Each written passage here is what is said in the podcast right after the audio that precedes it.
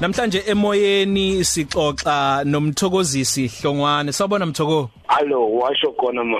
Uyaphila futhi? Ngiyaphila bafo njani wena? Siphilile nathi kuphi njengamanje? Eh ngila emsebenzini la ngisebenza khona kwembewu. Use oh, usebenza kuphi? Kwembewu. Okuyimbewu la isiqephu lesi umdlalo lo esubona kumabona kude. Kunjalo mntaka ba.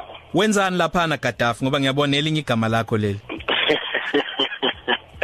Eh ngathi ngenza isengenze ngenze i-unit ne-craft. I-unit ne-craft. unit, Yes. Awusichazele kusekwenziwani la? Eh ngathi kwi-craft mina ubanikeza izinto izidlo lezi izinto ezimnandi yabona ngoba phela kwamina ngemnandi. Okay, ngikuzwa kahle. Yamazi usifiso obuthelezi. Kunjalo mntaka baba. Khona Yena umyale- umuntu ongiphethe ku-unit. Khona khona umyalezo asithumelele yona abefisa ukuthi uzwe nawe. Ake su- Angizwe. ake sulalele. Hi, igama lami nguSiso wakaphelezi. Eh, I'm a, a studio manager at Grapevine Production.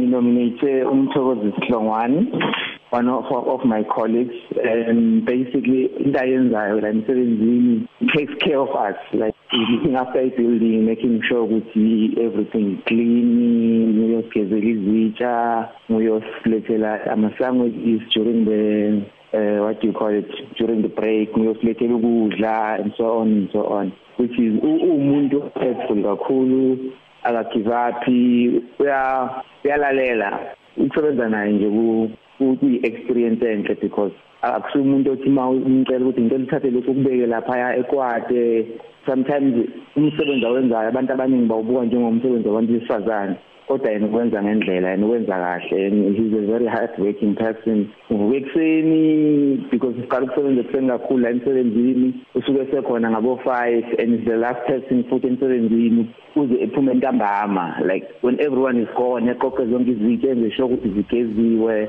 Yabo umsebenzi wakhe nje muhle kakhulu. Manje ngifuna ngifuna ukumfisela eh usuku oluhle ngifuna ukumfisela nokuthi ebe ebe our employee of the month.